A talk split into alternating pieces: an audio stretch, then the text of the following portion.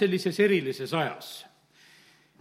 täna siia Jumala kotta sisenedes mõtlesin sellele, et, et kuuskümmend aastat on olnud see palvela sellele kogudusele paigaks, kus koguneda. ja nähtavasti ei ole selle kuuekümne aasta sees olnud nagu sellist perioodi, kus olukord oleks olnud just selline, nagu ta praegusel hetkel on. et lihtsalt nii takistatud oleme kokkutulekute jaoks ja, ja seda nii üle maailma ja nii kõikjal ja sellepärast, kallid, eh, me oleme erilises olukorras, aga ma usun sedasi, et sellises erilises olukorras on jumalal ka meie jaoks erilised õnnistused. ja, ja sellepärast on nii, et me võime lihtsalt nagu nagu olla ootuses Jumala ees, et, et Jumalal on lahendused nagu uue olukorra jaoks. eriliste olukordade järel sünnivad uued olukorrad. kui oli Iisraelil see eh, esimene paasapüha, siis tegelikult selle järel eh, sündis üks täiesti uus olukord orjarahvas läheb orjusest välja, nad lähevad vabadusse, eh, mida see rahvas polnud nelisada aastat üldse kogeda saanud. ja, ja nad lähevad ühte täiesti sellisesse uude olukorda. see sündis ühel sellisel erilisel viisil. see sündis sellisel viisil, et iga perekond pidi võtma paasatalle, iga perekond pidi selle paasatalle tapma, iga perekond pidi uksepiitasid määrima verega. see märk pidi tegelikult olema kõikidel kodadel, nendel majadel, ehk võiks ütelda nende kodudel ja, ja nende perekondadel. ja, ja siis oli niimoodi, et nemad olid tegelikult siis päästetud ja hoitud. ja, ja lisaks sellele sündis tervenemine, lisaks sellele eh, nad olid eh, pidulikult, nad olid eh, saanud rikkuse kokku, sellepärast et nad olid naabrite käest küsinud seda kulda ja hõbedat ja nad lahkuvad seal paasaööl kõige sellega, mida nad olid saanud. ja sellepärast see eriline hetk, kus ühel hetkel oli niimoodi, et Egiptuses oli tohutud surmad, igas kodus oli surm mina ei oska ütelda, kui palju oli e, Egiptuses sellel ajal inimesi, aga igas kodus oli esmasündinu, oli surnud. Ja igas kodus oli esmasündinud loom ka surnud karjast. ja sellepärast seda leina ja valu oli tegelikult kohutavalt palju. aga sellel hetkel tegelikult, kus oli sellist surma ja häda ja valu oli nii palju selles maailmas, e, sellel hetkel Jumal päästab oma rahva ja viib oma rahva lihtsalt sellelt maalt välja. ja, ja sellepärast aga panid tähele, et väga tähtis oli see, et äh, märk oli peal. Äh, siin on niimoodi, et Ezekieli raamatu üheksandas peatükis on üks selline eriline lugu. Juhin kõigepealt sellele nüüd tähelepanu, see on Ezekieli üheksa ja, ja see peatükk annab pealkirja, et see on süüdlaste tapmine. ja ja siin on nii öeldud üheksa neli. ja issand ütles temale, mine läbi linna, läbi Jeruusalemma ja tee märk nende laubale, kes ohkavad ja ägavad jäleduste pärast, mis selles mida selles linnas tehakse. ja nüüd oli niimoodi, et, et jumal armastab märkimist kallid meie, kes me oleme jumala lapsed, me oleme märgitud jumala peopesadesse.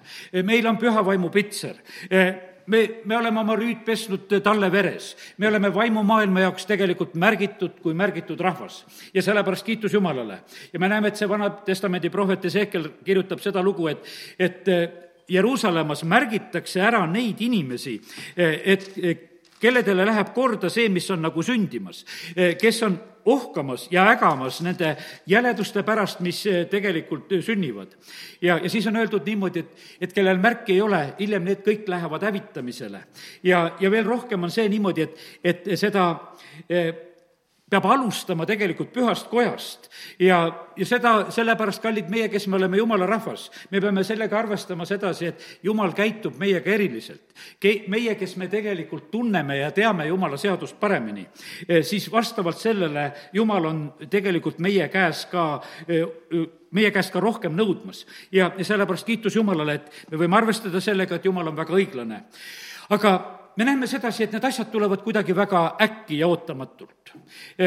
ja, ja sellepärast ma täna tahangi nagu rääkida sedasi selliseid nagu muutustest, mis vahest nagu äkiliselt tulevad meie ellu. ja, ja see muutus, kui Jeesus ühel päeval lahkub oma jüngrite keskelt ja, ja, ja kuidas ta lahkub, ta lahkub surma, siis lõpuks veel ülestõusmise ja, ja taevamineku kaudu. ja nüüd on niimoodi, et me teame seda üldiselt, et, et see oli üks pool aastat kus Jeesus rääkis sellest asjast ette väga otseselt, et, et teda tapetakse, ta peab minema Jeruusalemma, ta sureb, teda maetakse, teda äratatakse üles ja, ja põhimõtteliselt ta lahkub. Johannese evangeelium on selline eriline evangeelium, mis meile räägib nagu sellest Jeesuse ettevalmistusest, kuidas ta oma jüngreid ette valmistab selle muudatuse jaoks. ma usun seda, et et selleks muudatuseks, mis on praegusel hetkel, et kus meil ühtäkki nagu lõigatakse kokkusaamise võimalused ära, põhimõtteliselt ega meie sellist ettevalmistust ei saanudki nagu teha. see tuli meile ootamatult, aga jumal teeb ka selliseid asju, mis tulevad meie ette ootamatult ja, ja me peame ka nendeks asjadeks valmis olema. ja isegi, kui meid valmistatakse ette, me näeme jüngrite elus seda, et ega nad seda ka päris tõsiselt ei võta, nad kuulavad seda juttu ja nad ei saa sellest kõigest aru ja, ja nad peavad palju tegelikult kuulama. me, ma lugesin Johannese evangeeliumit ja ma usun, et kui sa oled jumala laps, sulle meeldib jumala sõna, ja me teeme täna nii, et, et vaatame Johannese evangeeliumist erinevaid selliseid salme, mis hakkavad viitama ja rääkima sellest, et Jeesus hakkab rääkima, et ta lahkub ja ma teen lahti juba Johannese evangeeliumi kaheksanda peatüki ja kaheksanda peatüki kahekümne esimene salm on öeldud niimoodi, et siis Jeesus ütles neile taas, mina lähen ära ja te otsite mind. ja te surete oma pattudesse. kuhu mina lähen, sinna ei saa teie tulla vaata, kui selline ütlemine, siin Jeesus on inimestega suhtlemas, kelle ta räägib, seal on abielu rikkumiselt tabatud naine ja, ja, ja seal on need, kes seda toovad ja, ja seal on inimesed ta ümber ja siis ühel hetkel ta ütleb sedasi, et aga, aga ma lähen ära ja te ühel hetkel otsite mind. ja, ja te surete oma pattudesse, kui noh, ütleme, see võimalus on täiesti olemas ja ta ütleb konkreetselt nendele inimestele. ja kuhu mina lähen, sinna teie tulla ei saa põhimõtteliselt on see niimoodi, et, et Jeesus tekitas sellise, kuidas ütelda, sellise soovi, et inimestel hakkaks nagu huvi selle koha pealt, et midagi on muutumas, midagi on sündimas. ma lähen edasi ja, ja see on Johannese kaheteistkümnendas peatükis ja, ja seitsmendas eh, salmis, kus on räägitud, see on pärast juba Latsaruse surnuste ülestõusmist ja kui Latsaruse õde on sealt Jeesust selle salviga, Maarja on salviga võitmas, siis Jeesus ütleb ühel hetkel, kui ta seda asja hakkab lahendama, ta ütleb, et jät-, jäta naine rahule, kaksteist seitse, et ta seda hoiaks minu matmise päevaks. ja pane tähele, kui selline niisugune asi on, et, et ollakse koos, on pidulik söömaaeg ja, ja siis Jeesus äkki ütleb sedasi, tead, et, et aga see salv, eh, mida ta praegusel hetkel pani ja jätke teda rahule, las ta hoiab seda minu matmise päevaks no see pidi olema, tähendab ju väga lähedal, eh, juba kui Jeesus nii otseselt nagu, eh, nagu selliseid ütlemisi tegi. me alati ei pane seda tähele, mul tuleb meelde sedasi, et, et eh, ühes pulmas, kus me olime aastaid tagasi, olime noored veel ja, ja mu abikaasa mm, sõbranna abiellus ja olime selles pulmas ja ma mäletan, et see pulma siis selline juht, õhtujuht, kes seal oli, ühel hetkel räägib sellest oma valmisolekust taeva jaoks. ja, ja räägib, et ta on selle jaoks valmis. ja ja me keegi ei teadnud seda, et peale pulma kohe, kui ta hakkas Tallinnast eh, Kiievisse lendama, et tal on selle lennuki peal, mis hukkab, hukku, hukkub ja, ja ta pidigi tegelikult olema valmis taeva minemiseks. see oli nii suureks õnnistuseks, kui ma eh, meenutan nagu seda asja. tema matusel tulid mitmed ja mitmed inimesed tegelikult tulid päästmisele eh, ja aga tagantjärgi tulid meile meelde need sõnad, et mees tunnistab ja räägib seal pulmalauas olles lihtsalt seda, seda oma valmisolekut issandaga kohtumiseks. aga me keegi ei osanud ju sellel hetkel mõelda, et, et see seisab nii lähedal ja, ja nii äkki.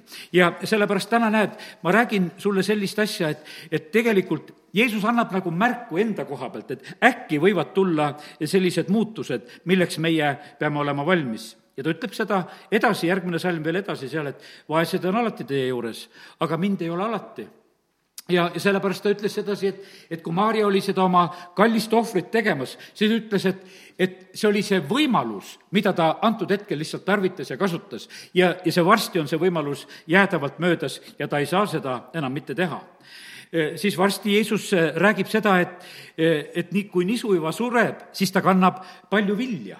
ja sellest ta rääkis sellise nagu piltliku muudatuse, et, et kui nisu juba sureb, see on väga suur muutus, visatakse mulda, aga sealt tõuseb üks uus tulemus. ja sellepärast, kallid, ma tahan uskuda samamoodi seda, et see, mis on praegusel hetkel sündimas, see on tegelikult uue tulemuse tegemine. sellepärast, et see olukord, mis käib praegusel hetkel üle, me ei oska kõike nagu seda näha, mis on jumala rahva jaoks, mis on riikide ja rahvaste jaoks, mis on see perekondade jaoks, uusi kogemusi saab. no kas või täna mõtlesin selle peale, et lapsed õpivad praegusel hetkel kodus. vahepeal oli nii, et ma mäletan, et püüdsime ka siin oma koguduse inimestega, et olid mõned lapsed, kes pandi koduõppele ja õpetati kodus ja see oli tohutu selline pingutus ja keeruline asi. nüüd ühtäkki õpivad väga paljud, võiks ütelda, kõik meie lapsed õpivad kodudes. täiesti selline, täiesti selline uus kogemus ja millise tulemuse tegelikult võib see tuua, millise julgustuse võib see tuua. see on õpetajatele kogemus, see on lastele kogemus, see on vanematele kogemus ja sellepärast, ja see sünnib, võiks ütelda lihtsalt niimoodi, et ühtäkki. ja, ja kiitus Jumalale, tahaks uskuda seda, et, et kõige selle tagajärjel tegelikult sünnib palju, palju head ja, ja sellepärast oleme usus, et see, mis on sündinud, see toob ühte uut kvaliteeti, milles me võime tegelikult pärast olla rõõmsad, kui me seda oleme nägemas. E, kaheteistkümnes peatükk ja kolmkümmend kaks ja kolmkümmend kolm salm räägib Jeesus enda kohta seda, ta räägib, et teda ülendatakse. aga kui mind maa pealt ülendatakse, siis ma tõmban kõik enese juurde. aga seda ta ütles, et viidata, e, millist surma tal tuleb surra Jeesus sureb risti lööduna. Jeesus sureb, et teda lüüakse risti ja ta, ta sureb ristil. ta ei sure selles mõttes maa peal, vaid teda ülendatakse, teda ülendati ristile. praegusel hetkel me oleme, noh, ütleme, risti tõstnud väga kõrgele kohale, me austame Jeesust kui risti löödud meie issandat. ja, ja ta rääkis jälle, et viidates tegelikult oma surmale.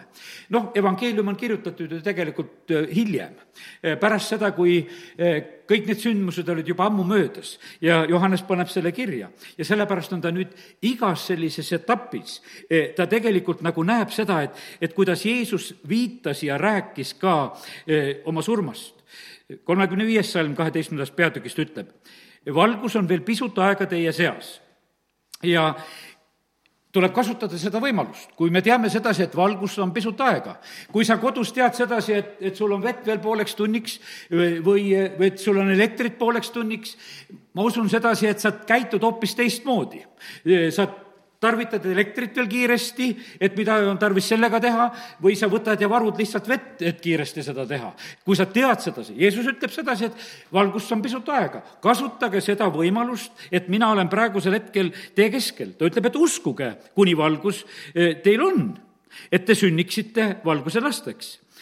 ja seda ta rääkis ja lahkus ja peitis enda nende eest me näeme sellist huvitavat Jeesuse käitumist. ja siis ta ütleb sedasi, et eh, ta räägib sellest, et hiljem eh, kolmteist ja esimene salm aga enne paasapühi, kui Jeesus teadis, et tema tund on tulnud eh, minna sellest maailmast ära isa juurde, siis tema, kes oli armastanud omi selles maailmas, armastas neid lõpuni ja Jeesus väga täpselt teab, et ta on viimaseid hetki, ta peseb seal oma jüngrite jalgu ja ta teab, et tund on lähedal, eh, kus ta tegelikult on lahkumas siit sellest maailmast. ta peab minema isa juurde.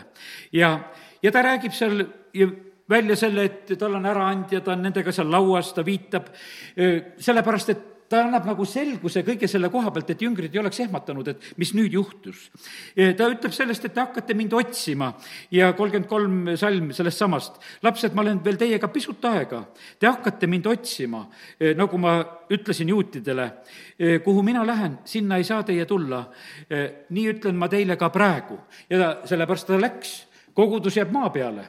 Hiljem me teame, seitsmeteistkümnendas peatükis meil Johannese evangeeliumis on Jeesuse palve, kus ta palvetab oma e, jüngrite pärast ja kõigi meie pärast juba ka ta ütleb Peetrusele seal vahepeal ette, et sa salgad mind ja, aga ta ütleb, et et ärge ehmatage, neliteist üks, teie süda ärgu ehmugu ja uskuge Jumalasse ja uskuge minusse. ja sellepärast on, kallid, on väga tähtis, on see, et, et meie, kes me oleme Jumala lapsed, nende sündmuste keskel, eh, mis meid elus tabavad, me peame tegelikult jääma rahul, rahulikuks. meie ei pea ehmatama ja sellepärast võtame selle issanda süda, sõna. Te süda ärgu ehmuge, ehmugu, uskuge Jumalasse ja uskuge minusse. ta räägib seal, et ta valmistab meile asemeid ja ja siis on need inimesed, kes issandat armastavad, kes tema käske peavad, kes peavad seda, mida me oleme temalt kuulnud, siis need inimesed saavad tema juurde, ta tõotab nendele püha vaimu, seal on edasi, vaata selline võimas ettevalmistus, mina lähen ära, aga ma läkitan teile oma isa tõotatud püha vaimu. ja ta ütleb, et ma annan teile rahu ma jätan selle teile. ja ta ütleb, et te olete mu sõbrad, kui ta räägib sellest viinapuust. ma olen teile rääkinud kõik. ja ta ei varja ühte asja ütleb sedasi, et, et viisteist, viisteist ma liigun siin edasi, ta ütleb, et, et juhtub ka seda, et äh, siin ta räägib viisteist, viisteist, et ma räägin sõpradele teile praegusel hetkel kõik ära, aga viisteist, kaheksateist ta ütleb sedasi, kui maailm teid vihkab, siis teadke, et ta on mind vihanud enne teid teate, sellised eriolukorrad praegusel hetkel, mis on, me peame kurvastusega seda ütlema. ma ei tea, mismoodi me saame Eesti rahvas seda muudatust tuua. et ei oleks kiusu, et ei oleks vihkamist ega ei oleks sellist halba, mis tegelikult üksteisele soovitakse ja tehakse ja tahetakse. Need rasked ajad, kui küüditamised käisid üle, just oleme siin rääkinud omavahel ka, et, et erinevad rahvused, eestlaste koha pealt öeldi sedasi, et eestlased aitasid ise üksteist küüditada, andsid oma naabreid üles ja saatsid neid minema ja sellepärast, kallid, see asi peab muutuma tegelikult. see ei ole üks selline hea iseloomujoon, mida me oma rahvana oma, omame ja sellepärast, kallid, praegune selline aeg muutku meid sellises kõige paremas suunas. ja sellepärast on see nii, et Jeesus räägib samamoodi, et, et te saate kogeda vihkamist siin selles maailmas. ja ta ütleb, et noh, arvestage sellega, et nad on vihanud mind ka ennem siis samamoodi ta ütleb viisteist kakskümmend, et, et on kiusamist. pidage meeles sõna, mis ma teile olen öelnud, et, et ei ole teener suurem kui isand. ja e, kui nad on taga kiusanud mind, kiusavad nad taga teidki. kui nad on pidanud minu sõna, peavad nad teiegi sõna. ja sellepärast siin maailmas sünnib ühte kui teist ja Jeesus selliselt valmistab oma e, jüngreid ette ja see ettevalmistus oli teate, kus kohta kõige rohkem? et et me nagu ei ehmataks nende eh, religioossete rünnakute all, mis siin selles maailmas on. Eh, me teame seda, et et äh, Jeesuse elus oli samamoodi, endal oli üks selline periood, et ühel hetkel ta jätab sünagoogi. alguses ta kuulutas ja rääkis sünagoogides ja ühel hetkel ta pidi sealt lahkuma ja läheb ja kuulutab ja räägib teistes paikades. ja ta ütleb, seda ma olen teile rääkinud, et ei komistaks. nad heidavad teid äh, kogudusest välja, siin kuusteist kaks ütleb sedasi, äh, see on sünagoogist nimetatud. ja, ja tuleb tund, mil igaüks, kes teid tapab, arvab end Jumalale teenet osutavat.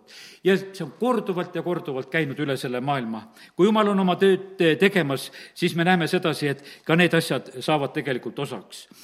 ja, ja siis Jeesus ütleb, et aga ma ei rääkinud teile kõiki asju kohe, kuusteist neli, kuid ma olen, kuid seda ma olen teile rääkinud, et kui see tund tuleb, siis ei tuleks see teile, et see tuleks teile meelde, mida ma olen teile öelnud. ja, ja teatud asjad olid niimoodi, et kui me hiljem loeme sedasi, see on seitsmeteistkümnenda peatüki kolmandas salmis nähtavasti, ei, vabandust, ütlen kohe, seitseteist, kaksteist on see, kus ta ütleb sedasi, et nii kaua, kui mina olin teie juures, kui ma olin teiega koos, siis ma hoidsin teid kõiki neid, keda isa, sina mulle andsid, ma varjasin ja ükski neist pole hukkunud peale kui see hukatuse poeg. aga siis edasi ta palub seitseteist, viisteist, ma ei palu, et sa võtaksid nad ära maailmast, vaid et sa hoiaksid siin selles maailmas. ja ja selliselt on tegelikult issand meid ette valmistamas ja, ja käitumas e, nagu oma jüngritega. ja kõige tähtsam, jäta meelde sedasi, meile on antud püha vaim. püha vaimus on vägi, püha vaimus on see jõud, mida me praegusel hetkel e, vajame, väga tegelikult vajame. sellised muutuse hetked teevad meid murelikuks. aga nagu ütlesin sedasi, kui muutuse hetk, siis on sündimas tegelikult midagi uut. Jeesus ütleb selle näite seal samamoodi ka, et kui naine on sünnitamas, siis ta on murelik. ja, ja peaaegu alati see on niimoodi, et, et me näeme alati, et kui uus laps on sündimas siia maailma, siis me oleme ikka saanud nagu sellise teatud, sellise muretsemisega olla selle juures, teatud selline kurvastus ja valu ja kõik, mis selle juures on ja siis on äkki uus laps sündinud ja kui ta teeb häält ja kui me näeme sedasi, et kõik on hästi, siis on, hoobilt on nagu see rõõm olemas. ja täna tahan lihtsalt julgustada sind ka, kes oled eh, kuulamas, et eh, issand just täpselt niimoodi tahab tegelikult uut teha. see sünnib vahest selliste hetkede kaudu, mis meile kõige rohkem ei meeldi. aga nüüd võtan lahti oma selle kaustiku, mis issanda ees olles on kirja pandud ja tahan sulle tänasel õhtul jagada seda. me oleme õnnelikud inimesed selle tõttu, et issand on avanud meile tee kõige pühamasse paika. kui issand sureb Kolgata ristil, siis on see väga oluline asi, et eesriie käriseb ülevalt alla ja tee kõige pühamasse paika on meie jaoks avatud ja issand käristas selle eesriide ja ta rajas selle tee meile oma verega, et meie võiksime igal ajal minna issanda ette. ja täna tuletan lihtsalt meelde, issand on meie ülempreester, ta on isa paremal käel, ta on palvetamas meie eest ja meie võime minna julgusega armu aujärje ette, see Hebra neli kuusteist ütleb, et me saaksime halastust ja armu abiks leiaksime parajal, parajal ajal. issand annab meile õiget abi mis abi sa iganes praegusel hetkel vajad, seda abi sa saad. see oli issanda tavaline küsimine, et mida sa tahad, et ma sulle teeksin. ja sellepärast küsi julgesti issanda käest, mida sa vajad. kui sa oled tormisel merel, sa vajad eh, tegelikult eh, tormist pääsemist. Eh, kui sa oled haige, siis sa vajad terveks saamist. kui sa oled näljane, siis sa vajad sööki. E, erinevad asjad, mida me iganes vajame ja sellepärast issand annab meile kohast abi, ta annab õigeaegset abi, ta annab sobivat abi, ta annab mugavat abi. olen eh, kunagi selle tõlke nagu endal laiemaks tegema, eh, teinud. ja, ja sellepärast, kallid, meie peame ainult tulema väga siiralt ja avameelselt issanda ette küsisin issanda käest eh, sellise küsimuse, et aga issand, mis on praegusel hetkel kõige oluline, olulisem, mis on oluline nagu sellel nädalal? ja millest ma peaksin rääkima sellel kolmapäeval ja, ja issand andis väga konkreetselt märku selle koha pealt, et oluline on isiklik osadus minuga. ja eh, kui ma olin maa peal koos oma õpilastega, siis ma juhtisin ja hoidsin, hoidsin ja kaitsin neid, juhendasin ja vastasin nende küsimustele. Aga nii kui issand oli lahkunud me nägime sedasi, et Peetrus oli kohe, kes kukkus. kohe, kes tegelikult salgas ja kohe oli hädas, eh, kui ta oli ilma oma õpetajast. ja sellepärast, ja kuidas, vaata see eh, Peetruse aitamine käis peale ülestõusmist, see käis kolme küsimusega ja kolm korda küsiti, et kas armastad mind? kas sa armastad mind rohkem kui teised? ja sellepärast, kallid, eh, meie lahenduseks on see, kui me issandat armastame. ja sellepärast on see väga tähtis küsimus, et me samamoodi vastaksime, et mis meil praegusel hetkel toimub nagu suhtes issandaga. kas me armastame teda? Eh, see armastus issandasse, armastus minusse, ütleb issand, see aitab teid. armastage mind küsisin seda Peetruselt kolm korda, seda olulist küsimust. ja see on see esimene ja kõige olulisem käsk, mis tegelikult peab olema. ja sellepärast on see niimoodi, et vaata, kõik tuleb heaks neile, kes Jumalat armastavad. ja sellepärast on see niimoodi, et me ei tohi kaotada armastust eh, praegusel hetkel mitte sugugi. me, me ei tohi nagu sellest kuidagi lahti lasta, sellepärast et see on see eh, täiuslik side, Kolossa kolm neliteist on öeldud meile seda, et armastus on täiuslik side. see on see, vaata, see täiuslik side, mis meil saab olla Jumalaga see on nii ülesse kui alla.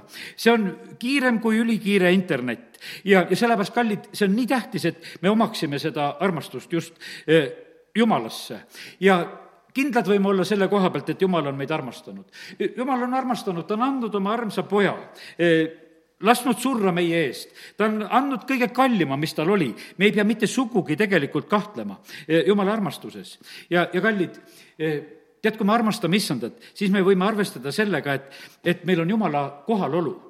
kes armastab, kes peab ta sõnu, see on neliteist kakskümmend kolm nähtavasti Johannese evangeeliumis, kus on öeldud, siis on öeldud, me tuleme ja teeme eluaseme tema juurde. vaata, kus armastatakse Jumalat, siis Jumal tuleb lihtsalt kohale ja sellepärast me võime arvestada sellega, et issand tuleb meile nii lähedale.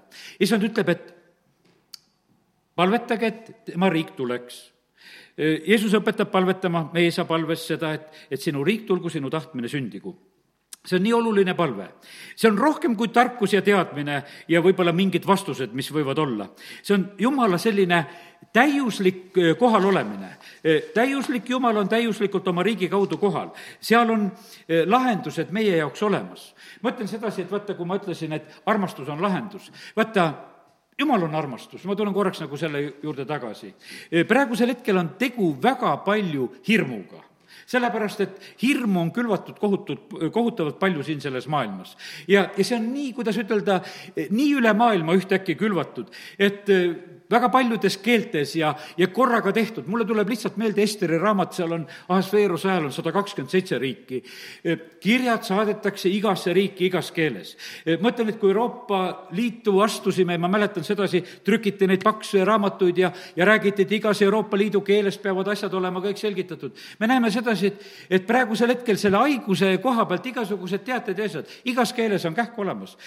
mitte mingisugust pikka aega ei ole vaja ja need sõnumid nagu levivad ja, ja need on põhjustanud praegusel hetkel palju hirmu ja kartust tegelikult siin selles maailmas. ja sellepärast, kallid, ainult selle vastu saab olla see, kui me oleme Jumala armastuses jumal on armastus, kes püsib tema armastuses, püsib Jumalas ja Jumal püsib temas siis on öeldud sedasi esimese Johannese neli seitseteist, et selles on Jumala armastus meie juures saanud täiuslikuks, et meil oleks julgust kohtupäeval.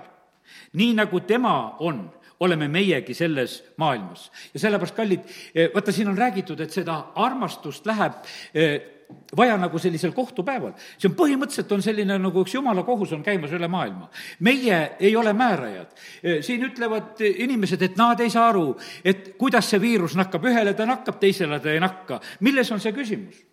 Me ei oska seda seletada, aga me näeme sedasi, et nähtavasti on need märgid on küljes. E, kelle küljes on märk, sinna külge ei hakka. E, ja kus võib-olla seda märki ei ole ja kuhu ta peab hakkama, sinna ta hakkab. see on nagu üks kohtutund, mis on käimas üle selle maailma. ja, ja sellepärast on see nii tähtis, et, et me oleksime Jumalas ja see jumala täiuslik armastus annab meile julguse e, kohtupäeval ja, sest et hirm on vaim ja, ja sellepärast ju surm on vaim. ja surm on see viimane vaenlane, kellele tehakse ots. ja sellepärast, kallid, ma ütlen, et ma ei räägi praegusel hetkel nii, et sa ei peaks midagi, noh, ütleme, tegema, et käsi pesema või enda eest hoolitsema, et oled selline ülbe. ma ei räägi mitte sellest. ma räägin seda, et meie südametes ei pea olema kartust. E, seda ei pea meis olema, meis ei pea olema argust, vaid meile on antud väe ja armastuse ja mõistliku meele vaimu. nii kirjutab Paulus Timoteuse teises kirjas. ja, ja sellepärast on see nii, et, et me peame omama seda ja ma usun seda, et me siis kogeme tegelikult, et kui meis on see rahu, e, siis me võime siin selles maailmas üsna rahulikult käituda. vanas Testamendis eh, on see lugu, kui Elisa ärkab koos oma poisiga ümber piiratud olukorras ja, ja kui see poiss, kes on temaga kaasas, näeb seda olukorda, siis ta ütleb, oh häda, mida me teeme. ja aga Elisa palvetab, et jumal, tee poisi silmad lahti, et ta võiks näha, et, et ta ei kardaks. ta ütleb poisile nii, et ära karda, see on teise kuningate kuus kuusteist sest ära karda, sest neid, kes on meiega, on rohkem kui neid, kes on nendega. Ja, ja kui Liisa oli palvetanud, siis issand äh, teebki poisi silmad lahti. Ja too nägi ja vaata, mägi oli täis tuliseid hobuseid ja vankreid ümber Elisa. kallid, ma usun seda, et me peame praegusel hetkel rohkem elama usus me ei näe neid.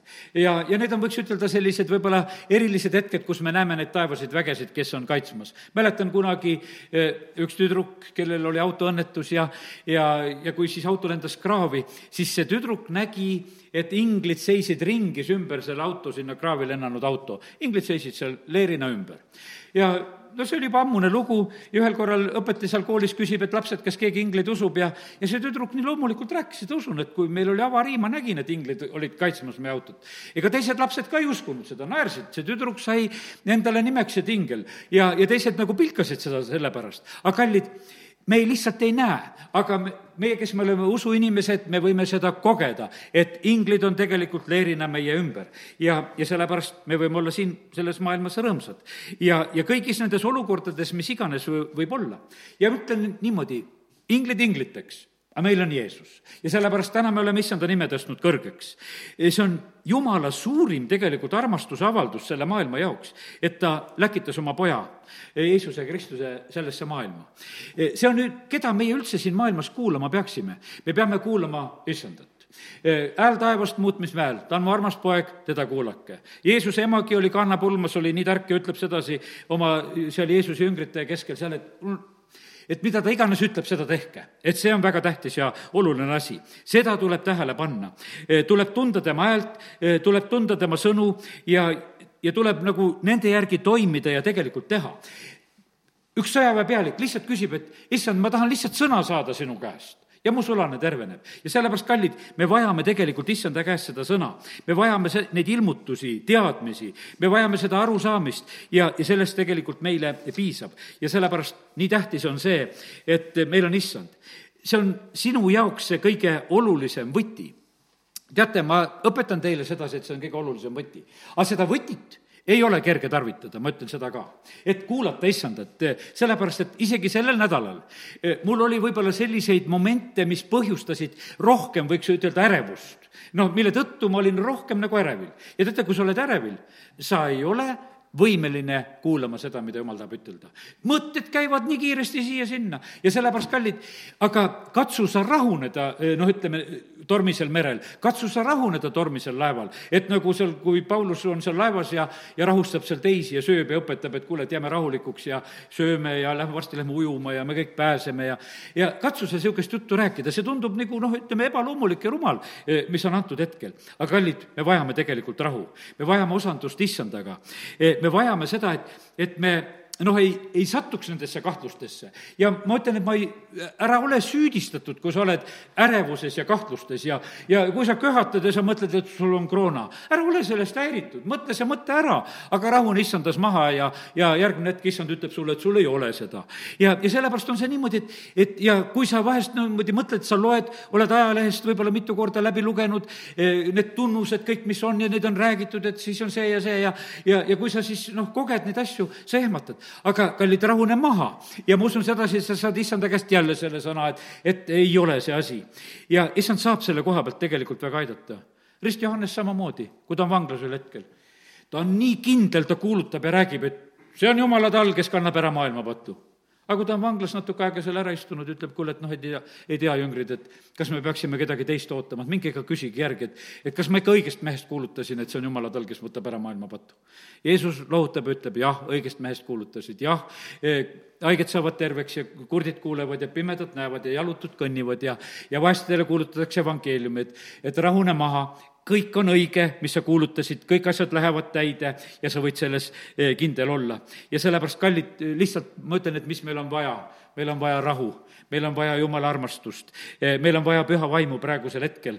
Eh, ja sellepärast, kallid, jumal annab Kristuses meile tegelikult selle maksimaalse sellise, kuidas ütelda, lahenduse, mida meie omada võime Jumala käest. ja sellepärast kiitus Jumalale esimese Korintuse kolmeteistkümnes peatükk on noh, selline eh, armastuse peatükk, mida pulmades loetakse ja ja millest jutlustatakse vahest eh, nagu sellistel erilistel puhkudel ja, ja see on nagu selline nagu inimestevahelise armastuse nagu selliseks märgiks, aga aga ma sain just siin nagu, et loe seda esimese Korintuse kolmeteistkümnendat peatükki ja loe nagu sellisel teisel viisil, eh, loe selliselt nähes, et kuidas on seal räägitud armastusest, kuidas meie armastame Jumalat ja kuidas Jumal armastab meid.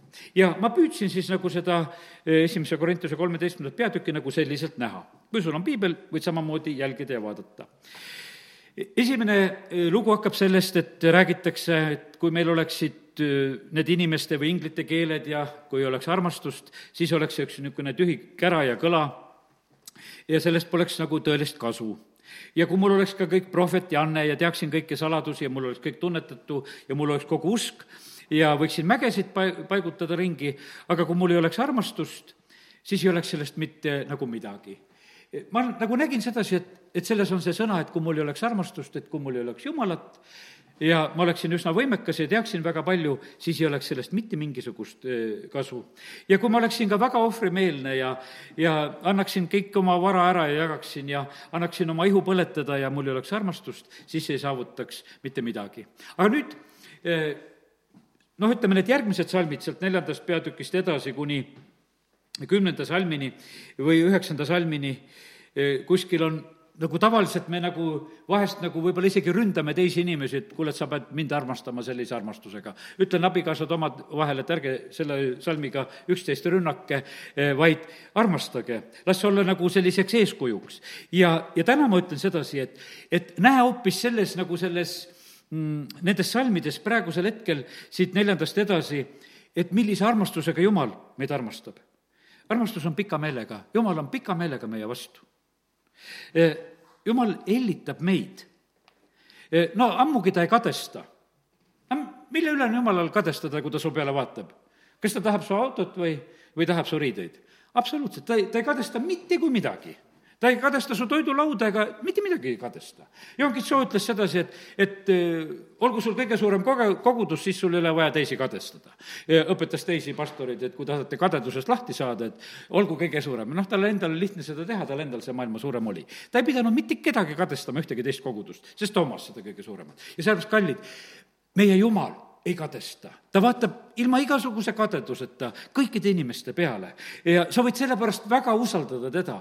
see on niimoodi, et sa võid usaldada oma kuuri, sa võid usaldada oma tuppa, sa võid usaldada igale poole, ta ei tule selle pilguga, et mida ma saaksin siit, vaid ta ei ole kade, ta on täiesti armastuses suhtumas. no ammugi see on, et jumal ei käi jooplemas meiega et ta ei käitu näotult, ta ei oople, ta ei otsi oma kasu, ta ei ärritu. kui ma seda lugesin, siis ma mõtlesin, et me loeme piiblist neid kohtasid, kus jumal vihastab ja, ja paneb vahest need asjad ke-, kehtima. aga ta ei ärritu. kui ta viha on, siis see on tegelikult üks õiglane viha. vahest saab isegi tema viha kustutada, aga kallid, see on selline pea meeles sedasi, et ta ei ole selline, et meie võime vahest nagu selle ärrituse saada ja vaata, kui on ärrituse tunne, milline vaevamine see on. sellepärast ole jumala moodi, ära ärritu asjade keskel. ja, ja ole jumala moodi, et ära jäta meelde paha, sest et ja kui hea on meelde jätta sedasi, et jumal ei jäta meelde paha. aga nüüd on üks asi veel öeldud, tal ei ole rõõmu ülekohtust, aga ta rõõmustab tõe üle ja sellepärast on see niimoodi, et, et äh, on teatud asjad, mille peal on näha seda jumala reageeringut. kui on ülekohut, seal ta ei rõõmusta, aga ta rõõmustab tõe üle. jah, ta lepib, äh, võiks ütelda siin, jumala koha pealt tuleks ütelda nagu teisiti veel, ta katab kõik, ta kannatab kõik, vaata, ta katab kõik meie patud see ei ole selline, et, et jumal hakkab nagu pattu sallima, aga Jeesuse veri teeb kõigest patust puhtaks. see ei ole patus elamise õigustus, see ei ole jumala seadustega vastuole mineku õigustus, et, et ta justkui lepib kõigega ja, ja lihtsalt usub kõike. aga kallid, kui võimas on see, kui jumal usaldab meid sest et see usk, et ta usub kõike, ta usaldab meid. ta on lootuses vaatamas eh, meie peale ja, ja ta talub kõike. E, see on selline, kuidas ütelda, võiks ütelda, et ta jääb meiega. E, Hiop ütleb sedasi, ma tean, et mu lunastaja elab ja ta jääb viimseni tead põrmu peale seisma, et, et ta jääb lõpuni, ta talub e, me vaidleme oma vaidlemisi ja mis iganes on, aga tema ei lahku ja, ja ta on meiega ja sellepärast kiitus Jumalale. armastus ei hääbu kunagi ta ei lõpe mitte kunagi, ta ei saa kunagi mööda ja sellepärast, kallid, vaata, kui jumal annab meile nagu oma armastusest ilmutust, eh, siis see on tegelikult nii, nii võimas ja ilus. nii et kiitus Jumalale. selles Jumala armastuses on kõige mõistmine, kuidas tema meid mõistab, aga meie ütleme, kindlasti ei mõista, seal edasi on räägitud, et me poolikult ennustame, poolikult tunnetame, me poolikult nagu asju näeme, näeme kui peeglist, mitte palgest palgesse veel. hiljem tuleb see aeg, kui me usust nägemisse astume ja sellepärast meie peame osades asjades lihtsalt usaldama, et meil on väga hea Jumal. ja, ja sellepärast lihtsalt võtame vastu selle rahu, mis on ülem kui kõik meie mõistmise, see Philippi neli seitse. ja tead, tahan ütelda seda, jumalal on palju üllatavaid lahendusi asjade jaoks mu elus on olnud korduvalt neid lahendusi, vahest, kus lähevad asjad pingeliseks ja, ja siis tuleb selline lahendus, mida tegelikult ei oota. et tuleb selline, kuidas ütelda, niisugune positiivne lahendus, no toon üks, niisuguse lihtsa näite Vene sõjaväest. ei oska vene keeles kirjutada, noh, ei, läheb aeglaselt ja vene keelt oskasin väga vähe veel ja pidime poliittunnis konspekteerima ja tegema vene keeles konspekti. no mina ütlesin, et no ma ei oska, ma ei suuda kirjutada.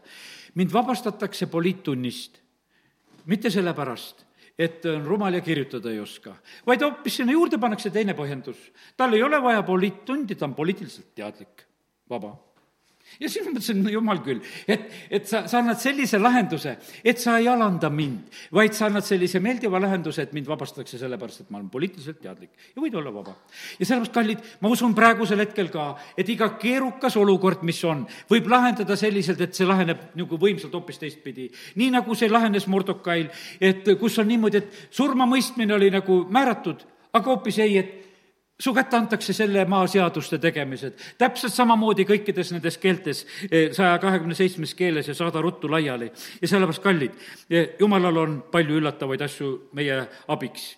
ja sellepärast ta on valmistanud neid asju, mida silm pole näinud ja mida kõrv pole kuulnud ja, ja sellepärast ole täiesti lihtsalt ootamas ja ela ja oota neid asju ja me võime elada nende asjade keskel, kui me oleme selles taevariigi keskkonnas. ja jumala täiuslik armastus tagab meile neid asju. jah, ja aga nüüd mõni selline asi, et kui asi läheb nagu errorisse, kus see jumala armastus meie jaoks ei tööta, on siis, vaata, kui on seadmed ja asjad ja, ja ega meie nagu ennem näiteks tavaliselt ei hakka otsima mingisuguseid juhiseid eriti ja ega me alati ei viitsi läbigi lugeda, kui mingid uued aparaadid endale ostame, me paneme ruttu tööle, teame, et vool taha ja siin on nupp ja käima ja ja pärast vahest vaatame, et kuule, et mida võib-olla tegema pidi. aga kallid, põhiline hoiatus on see, mille eest Jumal hoiatab oma sõnas, Jeesus ütles, et kui ülekohus läheb väga võima, võimsaks, siis jahtub paljude armastus. või kui ta seal ütleb ilmutuse raamatus sedasi, et, et et sa oled esimese armastuse ära kaotanud, vaata, sa oled Jumala ära kaotanud. vaata, see on see tegelikult eh, selline kõige raskem põhjus. ja sellepärast on see eh, nagu selline hoiatus ka, mis ma panin nagu siin kirja sedasi, et, et väga tähtis on, et see, et me ei kaotaks seda, et me ei kaotaks armastust praegusel hetkel Jumala vastu. ja, ja sellepärast, et sellest nagu sõltub kõik, sellest sõltub see Jumala kohalolu, see Jumala abi, Jumala need lahendused, eh, Jumala kogu see kannatlikkus, millest me võisime siin lugeda, sellest see sõltub nagu kõigest sellest. aga nüüd eh, räägin teile natukese veel eh, tänasel õhtul. Eh, no üks järgmine nagu pilt, teen väikese pöörde selles jutus. me elame praegu sellises pillutamise ajas ja, ja see on üks, üks selline pilt veel, mida issandes olles nagu sain, et vaata, vanas testamendis on korduvalt Jumal hoiatanud ja rääkinud, et kui Iisraeli rahvas, et kui te pattu teete, et siis mina pillutan teid laiali ja, ja see on nagu selline väga konkreetne ja tõsine pilt, kuidas Jumal on rääkimas, see on viienda Moosese kahekümne kaheksandas eh, peatükis, kus on räägitud needustest, et kuidas Jumal lööb ja, ja kuidas ta saadab ja, ja kuidas ta toob vaenlase ja ja kuidas nuhtlused on erakordsed ja ta räägib nendest asjadest ja, ja räägib, kuidas vaenlase maale saadetakse ja kõik need asjad on viies Mooses kolmkümmend äh, räägib sellest, et kui see pillutamine on läbi, siis on kogumine. ja sellest ma täna tahaksin ütelda sedasi, jumala rahvas on pillutatud kõikidest kogudustest võiks ütelda, põhimõtteliselt on jumala rahvas pillutatud. kõik on ajali, kõik on laiali, nii nagu algasin tänast õhtut siin, et Peetrus tervitab ja Jakobus tervitab samamoodi oma kirja alguses, et kõiki neid ajali olevaid, kes on tervitab neid. ja praegu oleme meie samamoodi, oleme nagu laiali pillutatud. ühtäkki, väga kähku ja kiiresti see on sündinud. aga nüüd on niimoodi, et kui see laiali pillutamine on sündinud, ma kujutan juba ette seda koosoleku, kui me oleme jälle koos et see on ju võimas, et noh, et, et rahvas tuleb, et me näeme, et rahvas voorib, et inimesed tulevad, et pargi äär on jälle autosid täis ja, ja inimesed tulevad ja tulevad rõõmsalt ja, ja, ja tulevad rutates ja tulevad rõõmuga ja et niimoodi, et lausa on aru saada. teate, tahaks näha sedasi, et, et kui see aeg saab selliselt mööda, et, et jumala kodade ümber on selline liikumine, et inimesed lähevad. ma mäletan, et kui eh, Riias aastaid tagasi, kui uue põlvkonna see uus maja oli niimoodi, et oli alles nagu saamisel. see oli niimoodi, et eelmine päev ütleme, või järgmine päev, vabandust, eh, oli siis linnavalitsuses otsustamisel, kas nad saavad selle kultuurimaja seal selle Irlavase tänaval, kus nad praegu on, või ei saa. aga nad olid eelmisel õhtul, eh, olid usus koos ja palvetamas selles majas, et see otsus võiks sündida. me läksime oma perega sinna ka ja ma mäletan seda hetke, me ei teadnud, kuhu tuleb minna. aga siis ühel hetkel me märkasime sedasi, et, et siin paigas rahvas läheb kõik ühes suunas, et vahet ei ole, kust poole tullakse, kõik nagu kiire sammuga panevad kuskil ühes suunas. ja me vaatasime, et siin on vaja lihtsalt vaadata rahvast, kuhu läheb. ja sellepärast, kallid, siin peab tulema selline aeg, et jumala kojad leitakse üles sellepärast, et kuhu, kuhu see rahvas läheb. et kui inimesed lihtsalt lähevad sappa, kuhu te ruttate ja, ja jõuame sinna ja ma ootan seda, seda aega, eh, kus neid hajutatud kogutakse ja, aga see tuleb selle järel, eh, kui inimesed eh, pöörduvad tagasi oma issanda juurde ja, ja nad kuulavad tema häält, kolmkümmend kaks viies eh, Mooseses, viies Mooses kolmekümnes peatükk ja teine salm. ja, ja kui inimesed on jälle kõigest südamest ja kõigest hingest issanda poole pöördumas, siis Jumal pöörab saatuse, alastab nende peale, kogub nad taas kõigi rahvaste hulgast, kuhu nad iganes oleksid pillutatud. kas või taevaserva, ta toob ka igalt poolt sealt ära.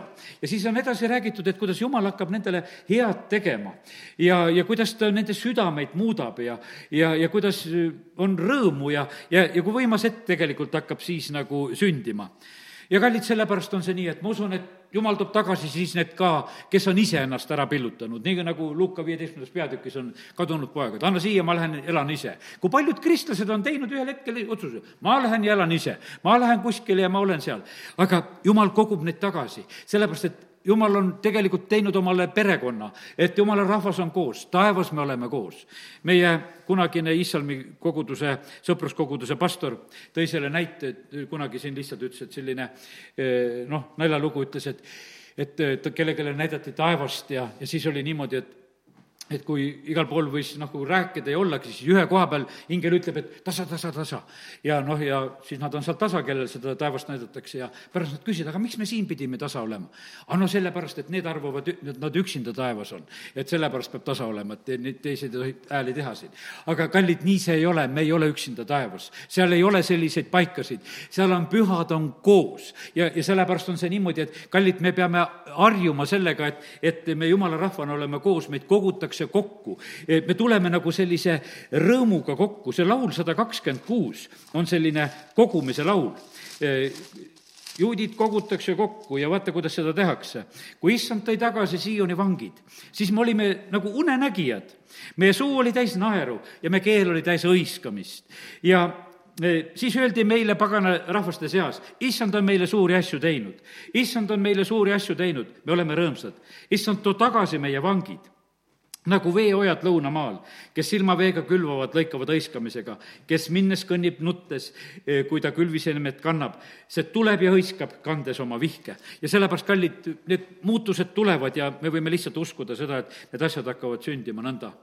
Neemia eh, kui ta läheb Jeruusalemma ja vaata, tema on niimoodi, et ta tuli nagu noh, sellesse paika, kus neid oli ära pillutatud, ta tuli sinna müüre üles ehitama. ta kahetseb Jumala ees patte ja, ja, ja ta räägib, et Jumal, sul on tõotused ja, ja ta tuleb nagu armastusega seda tegema. ja sellepärast ma usun sedasi, et, et jumalal on niimoodi plaan, et eh, kui tuleb nagu see uus kogumine peale seda laiali pillutamist, eh, ma usun sedasi, et kallid, ma julgustan teid, kes te olete praegu tublid ja, ja kes te põlete issandale ja, ja kes te kuulutate praegusel hetkel teistele ja oma sugulastele ja töökaaslastele ja, ja naabritele ja kellele te praegu rahu nagu edasi annate. Eh, keegi helistas ju meie kogudusest ja ütles, et tead, et praegu on nii hea avatud aeg, et kellega räägid, et saad kohe nendele nagu julgustav tahtvad asja rääkida. Apostlite teod kaheksa ja esimene salm ja, ja neljas salm räägib sellest, mis sündis kogudusele esimesel sajandil sel päeval tõusis suur tagakiusamine Jeruusalemma koguduse vastu ja kõik peale apostlite hajutati mööda Juudamaad ja Samaaria maad ja neljas salm ütleb, nad käisid siis ringi seal, kes olid tagakiusamisel hajutatud mööda maad ja kuulutasid evangeeliumi. Philippus jõudis Samaaria linna ja seal tuli tegelikult suur rõõm. ja sellepärast on see niimoodi, et me usume, et jumal tarvitab ka selle eh, laiali pillutamishetke praegusel hetkel ka nõnda õnnistuseks ära.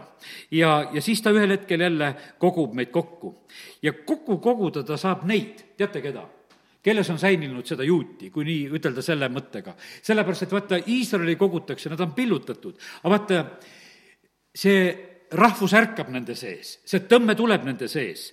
kui see on säilinud, see olemus, siis neid saab tõmmata kokku. ja, ja sellepärast kiitus Jumalale, et, et äh, Jumal vaatab tegelikult selles laiali pillutamise hetkel, et, et kas me nagu tahame tagasi tulla.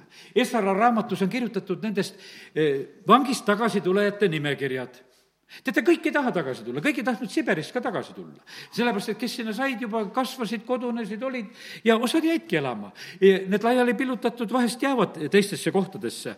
ja aga issand ootab neid, eh, kes on nagu valmis tagasi tulema. Need erinevad asjad käivad nagu kogudusest aeg-ajalt üle. Nõukogude ajal käis kogudusest üle see hea moment, et et öeldi, et, et ei ole jumalat ei ole populaarne jumalasse uskuda. ja kellel ei olnud tugevat usku, need lahkusid kogudusest. ja sellepärast, et see uus ideoloogia, mis käis üle, see pani nende armastuse ja usu kõik proovile ja, ja paljud-paljud lahkusid. ja teate, ja sellepärast oli niimoodi, et, et see nõukogudeaegne kogudus oli sellepärast tugev, sellepärast et peaaegu ei mäleta mina oma lapsepõlvest, et kes ristimisele tuli, et see sul ära kadus kuskile see, oli nagu noh, ütleme nagu abielulahutus oli selline harukordne juhus, et kes siis lahutab või ei lahuta ja eriti veel kristlaste hulgas, et ei juhtunud. teatud asju üldse ei juhtunud, sest et asjad olid nii kindlad ja selgelt olemas. ja kui, kui mingisugune erand juhtus, siis see oli niimoodi, et noh, nagu ei tea, eh, mis asi oleks juhtunud. aga sellepärast, et need, kes olid tulnud, nad olid teinud oma kindla otsuse ja nad olid issandast tugevad. ja, ja sellepärast issand tegelikult tahab, et tal oleks selline pruut kes ei kõiguks. mitte nagu mingisugune Hiiumaa tüdruk, et kui seal keegi läheb kossi ja, ja poiss küsib, et kuule, et ma tahaks võtta sind. ta ütleb, no hea küll, et sa pead rutus ka olema, et mul teine tahtja ka, et, et noh, et kui sa oled, et siis noh, siis võib seda kaupa teha. kallid, me ei ole oma issandaga. meil on üks issand, keda me teenime. ja, ja sellepärast me, me ei ole kuidagi lõdvalt oma issanda juures. ja issand ei ole eh, armastamas sellist pruuti, kes vahib kuskile mujale ringi. me peame talle põlema, me peame teda armastama ja sellepärast issand paneb praegu lihtsalt meid proovi, proovile, et kui see selline eh, noh, ütleme, Eh, kui me oleme nagu eraldatud ja ka jumala rahvana, et kas me armastame jumala rahvast, kas me tahame nendega kokku saada. ma tean seda, et, et mõned on ohates mulle ütelnud, ma küll ma tahaksin olla sellel jumalateenistusel, küll ma tahaksin olla osaduses. et see internet ei anna seda ju tegelikult. Jah, tõesti ta seda ei anna, aga palu Jumalat, et praegusel hetkel sa saaksid nii palju, kui sa vähegi võimalik, saaksid sellest kätte. Ja sellepärast issand tahab eh, koguduses näha pärast ühte uut innukust. tahan näha, kes jälle tulevad ehitust jätkama. Ja, ja sellepärast on see niimoodi, et, et eh, see praegune periood paneb tegelikult lihtsalt eh, proovile need asjad. ja issand on rääkinud täna meile neid asju kui oma sõpradele, kes me teda armastame. ja, ja sellepärast kiitus Jumalale, et, et me võime praegusel hetkel lihtsalt need julgustused ja asjad, mis on Jumal andnud, lihtsalt võtta täna vastu. et midagi head on sündimas ka selles perioodis. see on nagu see, kas see on Jeremiia raamatu või kus kohas seal on öeldud, et üheks hetkeks Jumal nagu jätab. Ja ma vaatan, kas ma selle salmi trükkisin välja või ei ole, on üks hetk tegelikult, et kui seal kotkas oma poegasid nagu lendu õhutab, see pilt on nagu selles, see salmi mõte. ma jätan üheks hetkeks, lasen nagu lahti. Ja siis kotkas, vana kotkas jälle lendab oma pojale alla, alguses viskab pesast välja ja siis on hädas, et ei tea, kuidas ma lennata saan. ja siis on hetk sellist kaalutaolekut ja siis võid kindel olla, et tugi tuleb alla. kuniks sa saad tegelikult tugevaks ja sellepärast need proovid tulevad praegusel hetkel tegelikult õnnistuseks. nii et kiitus Jumalale, et Jumal on niimoodi armastuses tegelikult meid valmistamas. ma tahan uskuda sedasi, et et aasta kaks tuhat kakskümmend teeb kogudust ilusamaks ja tugevamaks ja säravamaks ja rõõmsamaks ja, ja, ja sellepärast kiitus Jumalale, et, et just ka selles perioodis, millest kogudus on praegu läbi minemas, sünnib midagi eriti head. et ole väga õnnistatud ja ole väga hoitud. ja armastan teid, kallid, kes te olete, kes te olete meiega, kes te praegusel hetkel olete lihtsalt teatud kauguses ja, ja olge väga õnnistatud ja olge hoitud ja kaitstud Jeesuse nimel, amin. palvetame hetke isa, me täname sind, et äh, tohime praegusel hetkel olla äh, sinu ees ja, ja tuua sulle tänu selle eest, et issand, sina oled meie karjane ja meil ei ole mitte millestki puudus. ja isegi nendel hetkedel ja perioodidel, kus äh, me issand, oleme nagu üksteisest lahutatud ja, ja midagi on nagu muutunud. jumal, sa oled hoolitsemas meie eest ja sa oled hoolitsemas sellel perioodil eriliselt meie eest teisel moel. me täname sind, Jumal, su püha vaimu eest. me täname sind selle isikliku suhte ja osaduse eest, mida meie võime omada, isa. kiitus ja tänu ja ülistus sulle selle eest. me täname sind, Jumal, et, et sa oled nõnda hea. ja isa, me täname sind, et me võime praegusel hetkel lihtsalt paluda eh, kõik asjad, mis me südametes iganes on, anname sulle lihtsalt ühest tänuga teada. tulgu lahendused, tulgu haigetele tervis. isa, me palume sedasi, et e, see eriline aeg e, oleks lihtsalt ka selline eriline abi meile. isa, me tänan sind, et me võime praegusel hetkel paluda, et kui me pühapäeval oleme koos, kata meile eriliselt laud, e, ka see, issand, sinu surmamälestuse laud, issand, see sinu püha laud, et kui me sööme ja joome ja võtame sinu ihu ja joome sinu verd, et see võiks olla meile eriliseks õnnistuseks ülistuseks. isa, me täname sind, et me tohime lihtsalt praegusel hetkel eh, seda paluda, isa, kiitus ja tänu sulle, et sa kuuled palveid. anna see sõna, mis on vaja, pühapäevaseks päevaks ka oma rahvale. anna kõigis kogudustes ja paikades, kus need ülekanded toimuvad ja, ja jumal, me täname sind, et me võime lihtsalt praegu seda, seda õnnistust paluda, isa, kiitus ja tänu ja ülistus sulle. ja me täname sind, Jumal, et, et tänane õhtu on olnud selliselt, sa oled kinkinud meile selle aja ja, ja me toome kõik kiituse ja, ja tänu ja ülistuse sinule. Jeesuse nimel, aamen. ja laulame ka veel üheskoos ja